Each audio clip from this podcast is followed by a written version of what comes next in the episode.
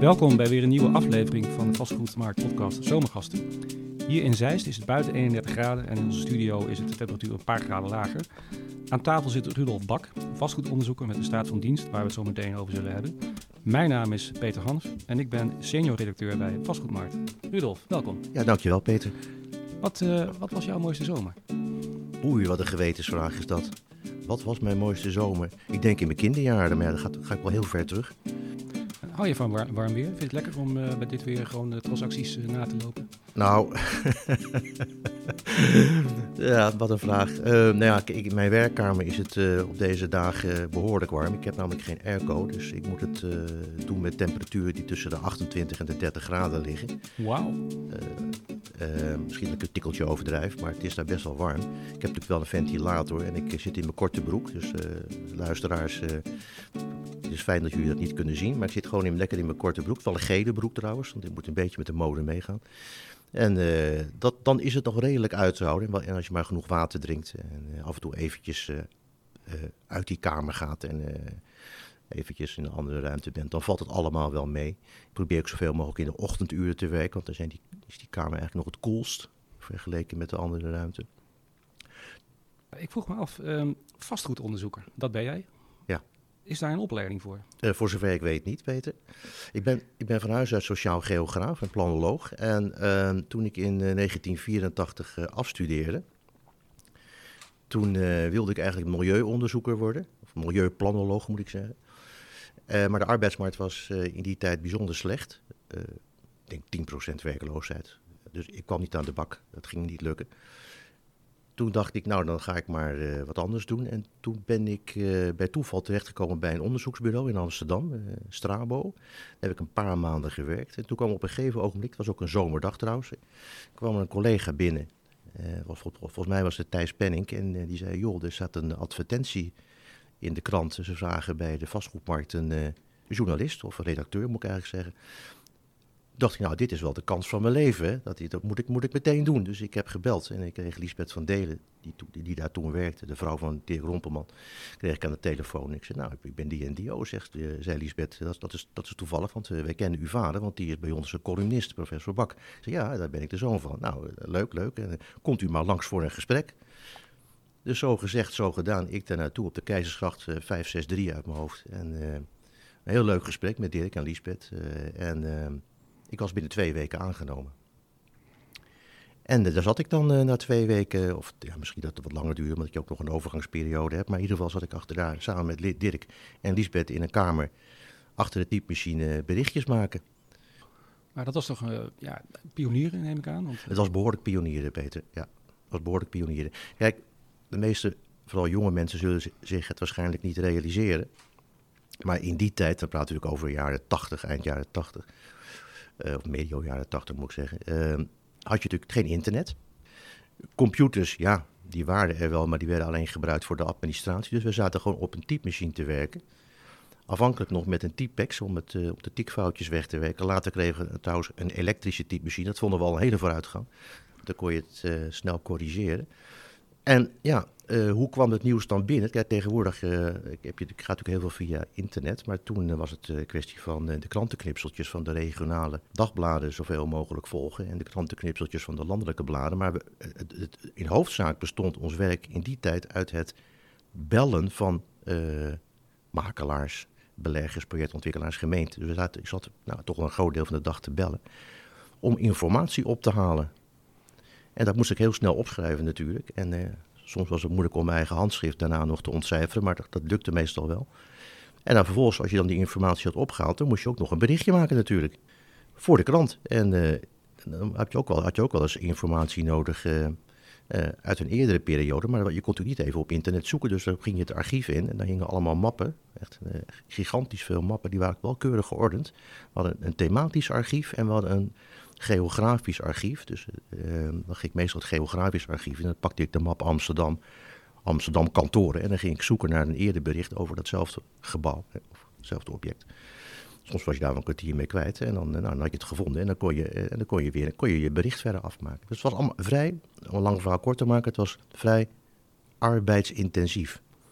Als je dat vergelijkt met nu, hè, je kunt in principe alles wel, wel ja, bij elkaar googelen, zou je bijna zeggen. In ieder geval een hele hoop meer dan, dan, dan in jouw tijd. Ja. wat, wat vind je leuker? Wat is nuttiger, is eigenlijk, kan je eigenlijk weten vragen. Ik denk dat het, het, het nut van de manier waarop we destijds informatie verzamelen, verzamelden, hè, uh, is gelegen in het feit dat je uh, je belt, dat je iemand belde, uh, dat je dan ook transacties te horen kreeg, maar dat je ook kon doorvragen over dingen.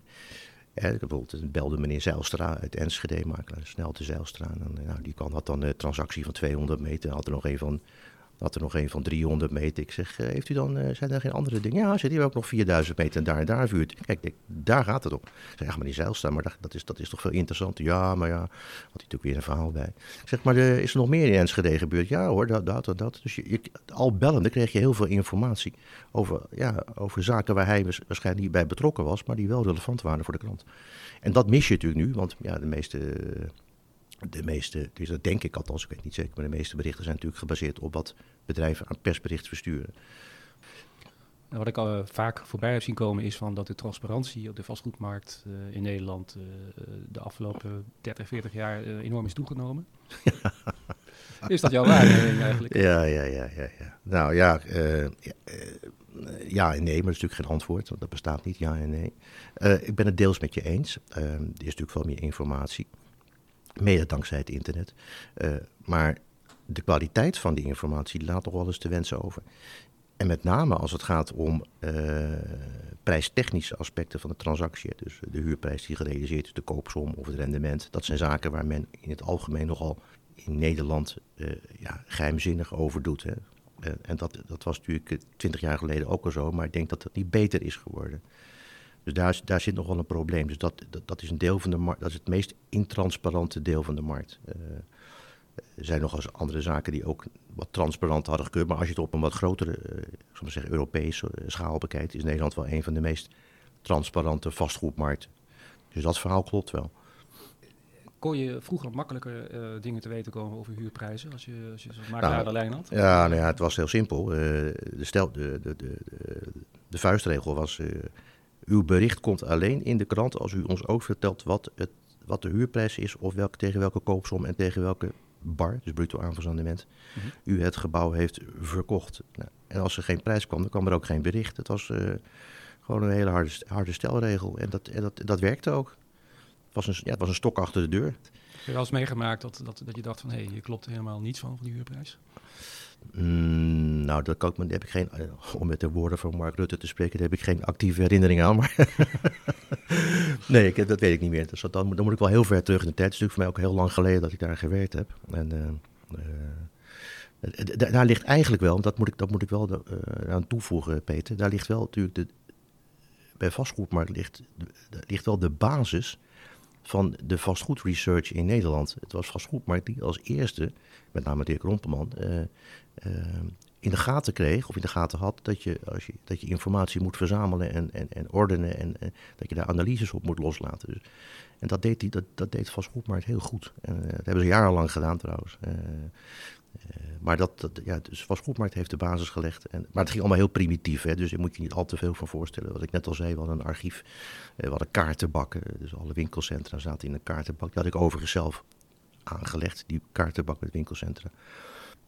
En, en als, als, er een transactie plaatsvond, uh, ik zal maar zeggen, werd 800 meter vuurt op de Wieboudstraat, dan, uh, dan liep ik uh, eventjes om mijn bureau heen en dan trok ik de bovenste lade van het bureau van Dirk Rompeman open, want daar lag dan een A4'tje. En dan moest je op dat A4'tje moest je die transactie noteren. En dan liep je weer terug naar je eigen plek. En na een half jaar dan kwam dat A4'tje kwam op tafel en, en plus een telmachine. En dan ging Dirk dus al die transacties die op dat A4'tje stonden optellen. Dat ging ook wel eens fout natuurlijk, dat kan je begrijpen. Dus moest het hele verhaal weer opnieuw. Ja, zo efficiënt werd er toen gewerkt. Maar ja, dat, dat, is de, wel de, dat was de klassieke manier van data verzamelen. En als we nou, uh, kijk, 85, 89, nou we zitten nu 2022. Ja, dus we gaan even gewoon, we zetten hier ja. een tijdcapsule. Ja, en je, uh, wordt gelanceerd. Stel je nou eens voor, je bent, uh, je bent Rudolf, je bent die Rudolf van toen. Ja. En je wordt wakker, je kruipt uit je ei in 2022. 20, ja. Wat zie je dan? Nou ja, dat het nu dus veel arbeidsintensief voor mij is. Eigenlijk net zo arbeidsintensief als in 1985. Want ik natuurlijk een tijd geweest dat je als onderzoeker kon teruggrijpen op publieke, of nou niet publieke, maar op databases. Hè. Dus jullie, jullie hadden zelf een belangrijke grote database. De had een grote database en daar kon je gebruik van maken. Daar konden taxateurs ook gebruik van maken. Nou, de wereld is, ziet er nu inderdaad anders uit, want jullie zijn zelf gestopt met het verzamelen van data op de manier zoals je het vroeger deed. En bij de Property.nl worden volgens mij nog wel uh, transacties uh, geregistreerd, maar ik weet uit betrouwbare bron dat grote makelaarskantoren niet meer meedoen, dus er ontbreekt een hoop informatie. Uh, dus ja, ik, ik, moet nu echt via, via, via aan mijn informatie komen. Dat lukt trouwens heel goed, dus laat er geen misverstand over bestaan. Dat gaat prima. Maar ik moet, ik moet, het, wel, ik moet het wel doen. Ik moet wel de, de contacten leggen. En, het is ook een kwestie van geven en nemen. Hè. Dus de, dat is eigenlijk de wet van snuf. Ik weet niet of je er wel eens, mee, of je wel eens van gehoord hebt, de wet nee, van snuf. Vertel. Nou, dat je eerst moet geven om iets te nemen. Mm -hmm. De meeste mensen doen, doen net precies het tegenovergestelde. Die nemen alleen maar, geven weinig terug. Maar je moet eerst iets geven. Dus dat, dat, het geheim zit in die zin dat ik dan noem even, dat ik een willekeurig makelaarskantoor stuur ik dan een lijstje met transacties die ik heb uit een bepaalde periode. Ik zeggen het eerste half jaar van 2022. Ik zeg, nou, dit zijn mijn transacties. Wat ontbreekt er? Nou, en dan zetten ze nog drie of vier transacties bij, maar dan hebben ze zelf ook een lijstje. Ja. Dus heb ik er wat, heb ik de extra informatie en zij hebben mijn lijstje. Dus zo werkt het. Je geeft wat en je neemt wat. En daar zit voor mij althans de, de, de, kracht van het, uh, uh, van het werken met data als ik jou zo hoor, dan denk ik van, nou, het is nog steeds een uh, behoorlijk arbeidsintensieve ja, uh, ja, klus. Ja, ja. Zeker, ja, ja, Mijn gedachten gaan ook even uit naar die, naar die banken. En ook de Nederlandse Bank en de, de Autoriteit Financiële Markten destijds. Die zich nou, tien jaar geleden behoorlijk hebben beijverd om ja, meer zicht te krijgen op de blootstelling van, hè, van vastgoed. En als ik jou zo hoor, dan denk ik van, nou, ik weet helemaal niet of, of het allemaal zoveel transparanter is geworden. Of je nou beter in beeld hebt van wat, wat, die, wat die vastgoedbezittingen of de uitzettingen van banken waard zijn. Ja, nou ja, dat weet ik natuurlijk ook niet, want dat is een andere tak van sport. Dan kom je meer in de, in de hoek van de taxeren. Ja. Wat is iets waard? Dus ja. Ik hou me niet bezig met taxeren. Dus ik verzamel alleen maar informatie. Nee, nee, dat klopt. Maar taxeren doe je ook in de context van de markt, toch? Ja. Uh, en uh, de, daarvoor moet je misschien wel weten van uh, hoe het gaat met bezettingsgraden, huurprijzen, ja. de ontwikkeling daarvan. Ja. En natuurlijk het object zelf. zelf natuurlijk, ja. Uh, wat kan ik daarover kwijt? Uh, nou ja, ik weet niet of dat een antwoord is op jouw vraag, maar ik, ik, ik, gooi maar eventjes op tafel. Waar ik me op dit moment aan erger, nou erg is misschien een groot woord, maar waar ik me uh, ongerust over maak, is het feit dat nogal wat grote makelaarskantoren in Nederland, ik ga geen namen noemen, dat zou niet netjes zijn, maar een aantal gro grote makelaarskantoren nu opeens niet zozeer uitgaan van wat er te huur en te koop wordt aangeboden, de Engelsen gebruiken het woord availability, maar ze gaan uit van de vacancy, dus van de leegstand. Jij en ik weten dat er een groot verschil is tussen aanbod en leegstand. Meestal is de leegstand lager, kleiner, moet ik zeggen, dan de beschikbaarheid van kantoorruimte. Dat kan tot uh, absurde situaties leiden. Ik noem even als voorbeeld de Amsterdamse Zuidas, waarvan, mensen, waarvan een aantal kantoren zegt, ja, de leegstand is daar, uh, ik zal maar zeggen, 3 of 4 procent. Ja, de leegstand is 3 of 4 procent. Maar het aanbod, dus als je alle aangeboden kantoorruimtes deelt door de totale voorraad, de, beschikbaarheid is, loopt richting 20 procent. Dus de 17 en 20 procent, dat varieert, want het, het, natuurlijk, dat varieert naar gelang het moment waarop je meet. Maar dus er zit ook een heel gat tussen die 4 procent en die 20. En dan zeggen we, ja, maar we nemen gebouwen die nog in aanbouw zijn, Power 10 bijvoorbeeld ook de puls, ja, die nemen we niet mee. Want er wordt nog gebouwd, dus er is geen leegstand. Zeg, ja, maar die ruimte worden wel te huur aangeboden. Dus als jij morgen naar de, naar de eigenaar of naar de ontwikkelaar van de puls loopt... je zegt, je wil bij u 10.000 meter huur... dan zegt hij, wilt u even daar gaan zitten en uw handtekening zetten? Graag. Ja, dat klopt. ook. Ja, maar jullie meten dus met twee maten. Want dat neem je dan wel mee in je, in je, in je transacties.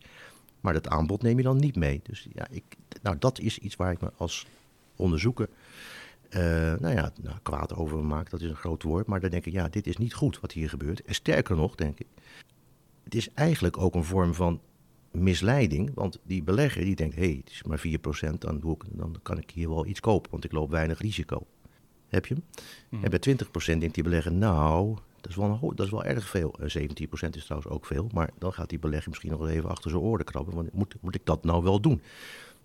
Dus daar, ja, ik denk dat ja, misleiding is, ja, ja, het is eigenlijk een vorm van ja, misleiding, ja. Ja, of, ja. Het, is een, het is een andere definitie. Ja, uh, een andere, ja dat is een andere definitie, ja. Maar goed, maar uh, uh, het is zo, en dat is dat, dat is ooit afgesproken in, in 1974, om even terug te gaan in de tijd. We gaan in de vastgoedmarkt gaan we uit van aanbod en niet van leegstand. Leegstand is iets waar gemeenten mee werken. Die vinden dat fijn, leegstand. Hè? Maar wij in de vastgoedmarkt, ontwikkelaars, makelaars, beleggers, wij werken met aanbod, dus met availability. Dat is maatgevend.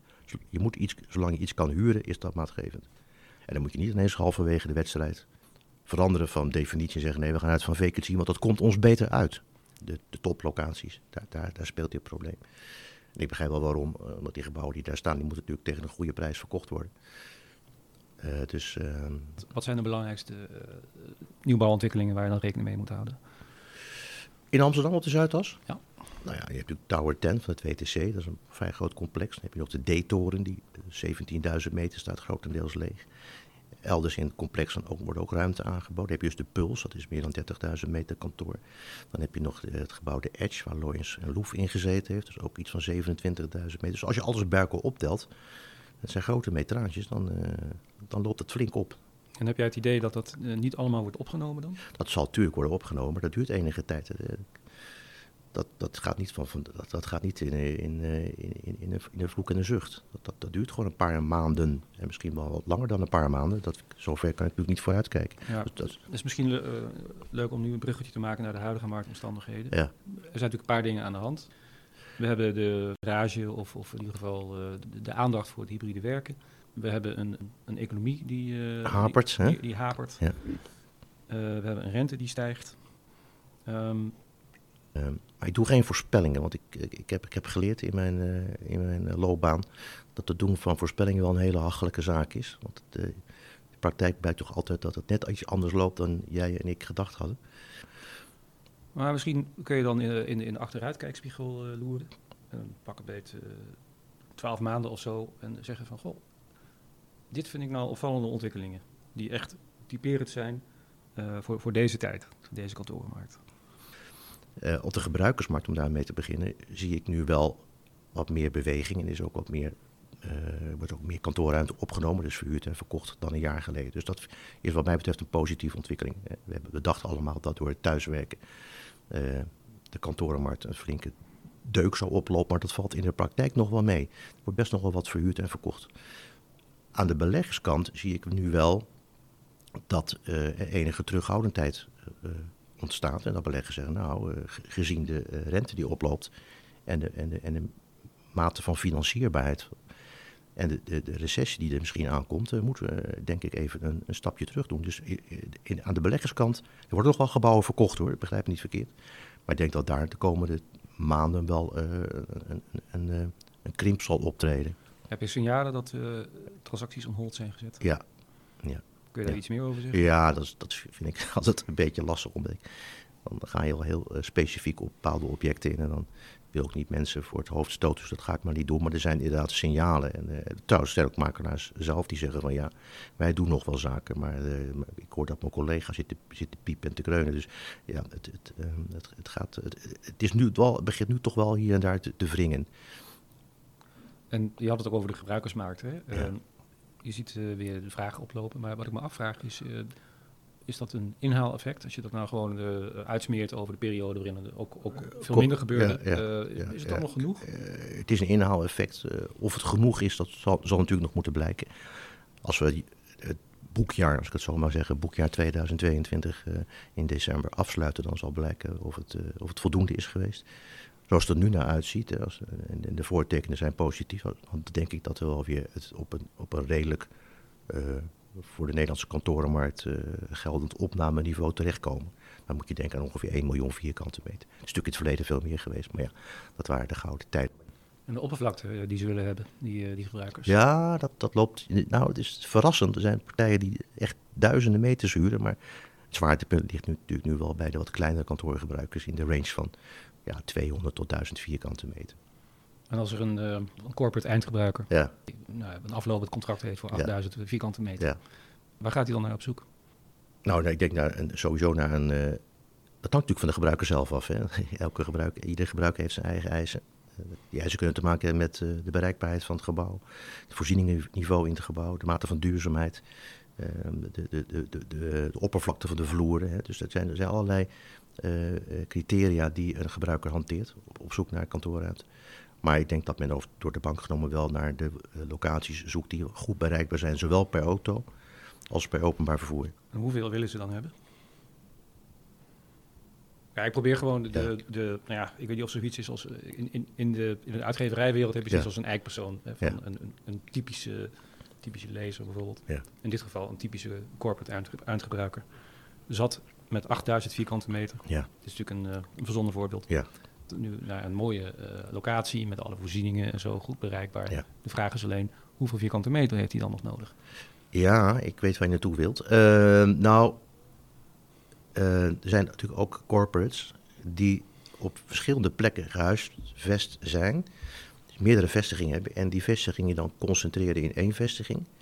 En daarbij ook het ruimtegebruik iets terugbrengen. Dus als men afhankelijk, maar zeggen, 10.000 meter had, verspreid over drie vestigingen, dan wordt het nu 9.000 of 8.000 meter in één nieuwe vestiging. Oké, maar daar zou ik dan als, als gebouweigenaar nog niet direct eh, slapeloze nachten van hebben. Nee, nee. Valt er mee. Ja, ja eh, alleen, alleen de gebouweigenaren die worden geconfronteerd met een vertrekkende huurder, Mhm. die zouden misschien wel een slapeloze nacht kunnen krijgen. Die wel. Ja, die wel. Ja, en dat hangt natuurlijk weer af van de kwaliteit van het, vastgoed zelf. Hè. Hoe courant is het? Ligt het op de goede plek? Er zijn talloze gebouwen die, die eh, niet op een goede plek liggen. En uiteindelijk ook eh, ja, worden getransformeerd naar woningen of worden gesloopt. Er worden ook gebouwen gewoon gesloopt om daar vervolgens woningen te bouwen. Of iets anders. Dus, en dat hebben we natuurlijk de afgelopen jaren heel veel gezien. Dat gebouwen werden onttrokken aan hun bestemming via sloop en, eh, en, en transformatie naar woningen. Dat is nu wel iets minder dan een paar jaar geleden, omdat heel veel laaghangend fruit, om het zo maar eens te zeggen, wel geplukt is. Dus, eh, het is niet zo dat, je hebt natuurlijk nou die, eh, die label C-verplichting. Ja, eh, ja, ja, daar wordt natuurlijk heel, heel hysterisch over gedaan. Er stond zelfs een, een verontrustende kop ergens in een krant dat het allemaal heel slecht zou gaan, heel slecht zou aflopen.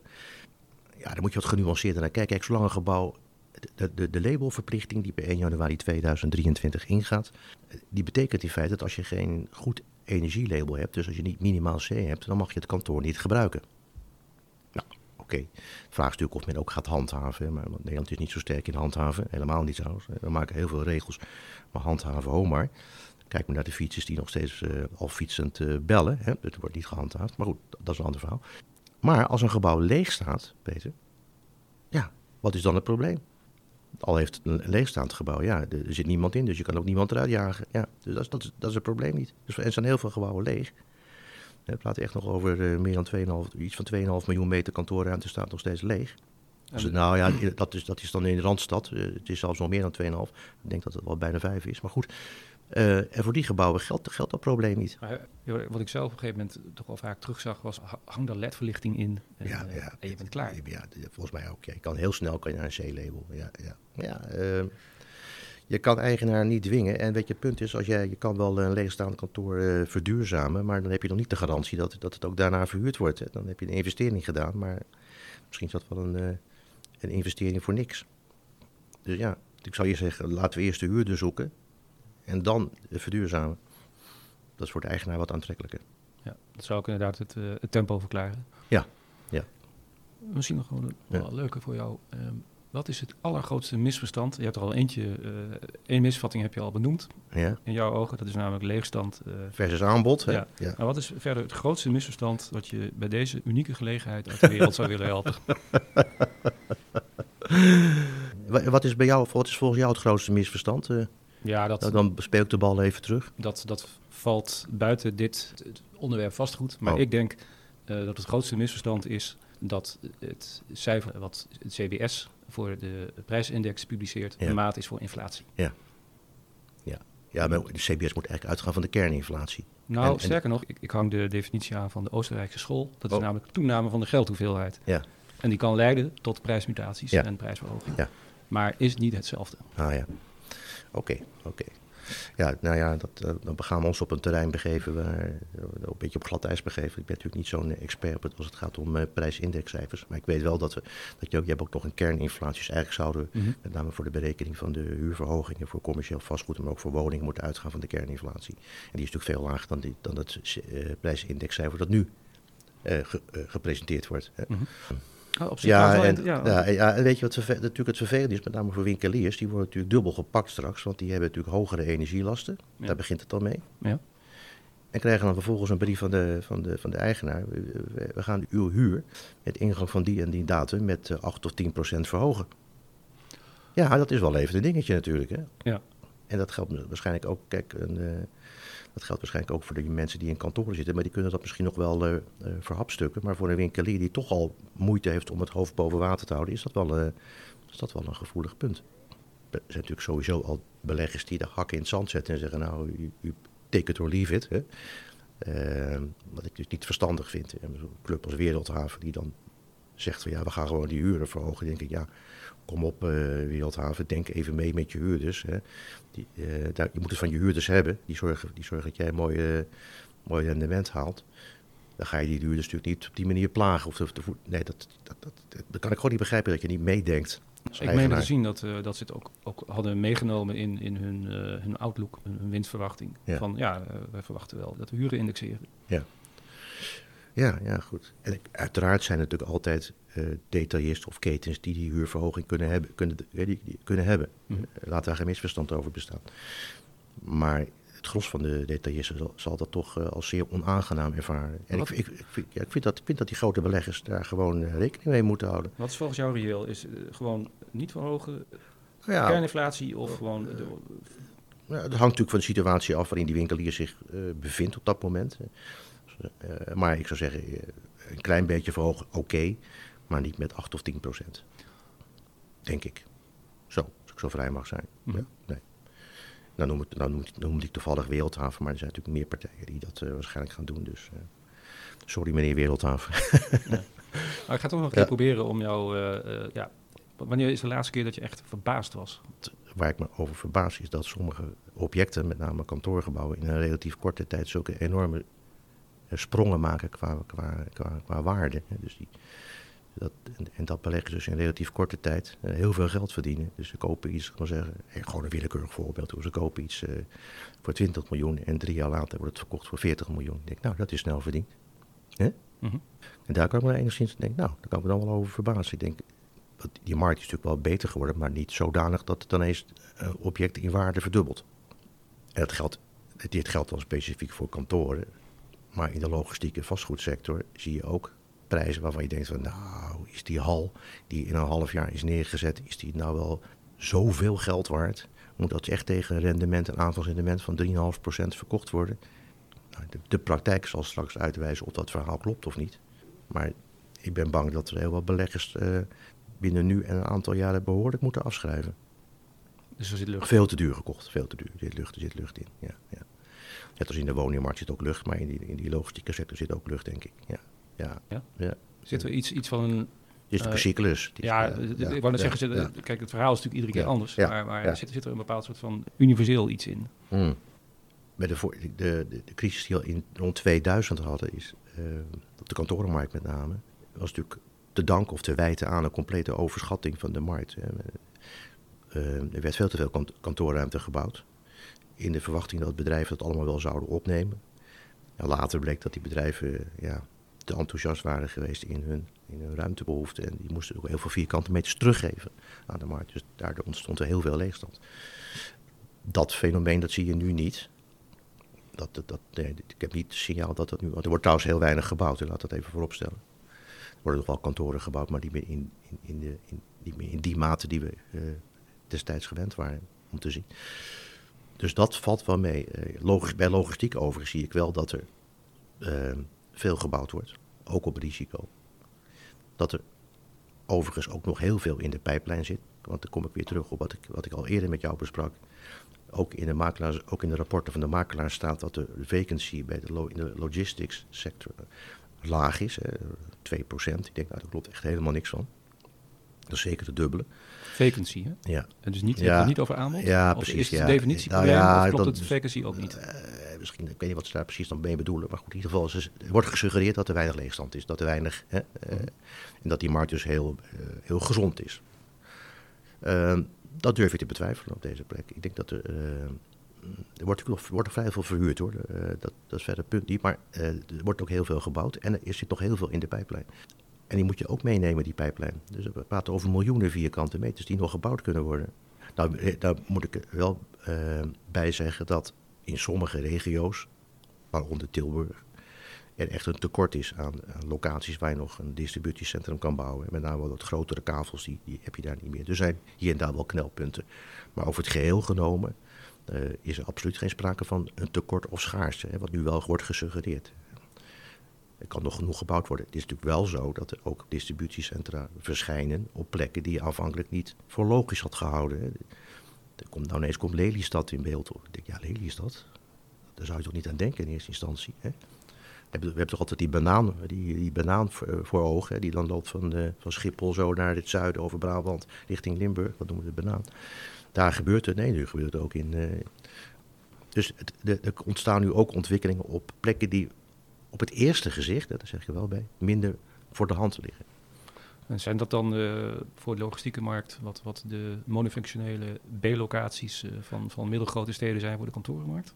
Ja, zoiets. Ja, ja, ja, ja. maar goed, voor logistiek eh, gelden natuurlijk andere eisen dan voor kantoren. Maar ik, ik vind, ik, ik, ik, ik, da- als we het dat toch over verbazen hebben, hè, dan denk ik, ja, hoe kan het nou dat je daar een distributiecentrum neerzet? De overeenkomst tussen eh, 20 jaar geleden en nu is dus wel gewoon speculatieve ontwikkeling, optimisme over de toekomstige Ja. opname. Dat heb je dan in de logistieke sector. Dat heb je in de kantorenmarkt natuurlijk nu niet. Hè. Dat is het verschil. Nee, maar Nee. de kantorenmarkt van, van rond de millenniumwisseling. Ja. wisseling. Ja, die was heel speculatief. Ja, ja, ja, ja, ja. Wat is de moraal van het verhaal? Bezint eer begint, zou ik zeggen. Maar eh, ja, en nou ja, en eh, nou, eh, doe wat meer onderzoek. Hè. Kijk, heel veel ontwikkelaars, projectontwikkelaars, die geloven in hun eigen kracht, in hun eigen gelijk. En doen eigenlijk nauwelijks marktonderzoek. Zeker in die, in die periode van 2000 niet. Er werd er gewoon gebouwd zonder marktonderzoek. Ja, dan zou je natuurlijk als advocaat van de duivel kunnen zeggen van... ja, dat is misschien niet het probleem voor een individuele ontwikkelaar. Want 20 jaar geleden was het gewoon van... nou, je, je verhuurt het voor 10 jaar, je doet er een strik om, je verkoopt het... en eh, eh, je laat de scheten hier Ja. door. Ja, maar ja, goed, als je nou, nog even het voorbeeld van Almere erbij pakkend, als je nou als ontwikkelaar 50.000 meter, volgens mij was het 50.000 meter, gaat neerzetten bij het station van Almere, dan praat je best wel over een eh, substantieel metrage hè, en ook een behoorlijke investering. Dan ga je toch eerst via marktonderzoek uitzoeken. Ik wil niet zeggen dat marktonderzoek zaligmakend is, hè, begrijp me niet verkeerd, maar je, ga je, je, gaat, je gaat toch even uitzoeken, is daar überhaupt een markt voor? Is dat niet te veel voor Almere? Nee, nee, kijk, dat, dat Ja. is inderdaad een duidelijk eh, verhaal. Ja, Dat zat ja. volgens mij ergens aan het einde van de levenscyclus van, eh, van, van Eurocommerce... dat ze dat soort dingen deden. Ja, ja, ja, ja. Maar daarvoor ook, daar, ja, ja, zijn ook, eh, in Rijswijk is ook een gebouw neergezet in de Plaspoelpolder. Het heeft jarenlang leeg gestaan. Volgens mij is het, nu komt er een beetje beweging in. Vinden er ook verhuurder plaats, dus het gaat er goed. Maar het heeft echt jarenlang leeg gestaan. Maar is dat nou iets eh, van, nou als je wil weten wat, wat op de logistieke vastgoedsector gaat, eh, gaat gebeuren, kijk naar de kantorenmarkt van 20 jaar geleden. Ja, ja maar mensen hebben natuurlijk, eh, er is natuurlijk weinig historisch besef in zijn algemeenheid. Dus ik, maar ik zou er inderdaad, ja goed, weet je, het is beter. De ene, kijk, hebben natuurlijk altijd met mensen te maken. En die, die ene ontwikkelaar denkt van, nou ja, weet je wat, ik eh, ga gewoon bouwen. Dan, eh, wat, wat die andere ontwikkelaar doet, moet hij weten, maar ik doe het gewoon. Dus ja, dat is, dat is menselijk. Dus men houdt ook geen rekening met elkaar, hè. Ieder doet zijn eigen ding. Nou, dat is natuurlijk meer een kwestie voor eh, ruimtelijke ordening dan. Ja. dat, Ja. wij zorgen wel. Dat, dat, is, dat is dat bekende prisoners dilemma. Hè. Mhm. Je, je hebt- vier gebouwen, die staan bij elkaar op een terrein met vier verschillende eigenaren. Die moeten allemaal getransforme- getransformeerd worden. Wie staat er als eerste op? Dus de conclusie is eigenlijk van, het is iedere keer anders, maar ook weer niet. Ja, er, zit natuurlijk, er loopt wel een, een rode draad door het hele verhaal, maar er zijn er altijd weer variaties op een thema, om het zo maar eens te noemen. Ja, ja. Maar het blijft niettemin een hele boeiende markt en daarom dat ik het ook al zo lang doe. En ik ook hoop dat ik het nog heel lang mag blijven doen, want het is gewoon leuk om elke dag met die materie bezig te zijn. Dankjewel. Graag gedaan, Peter, graag gedaan.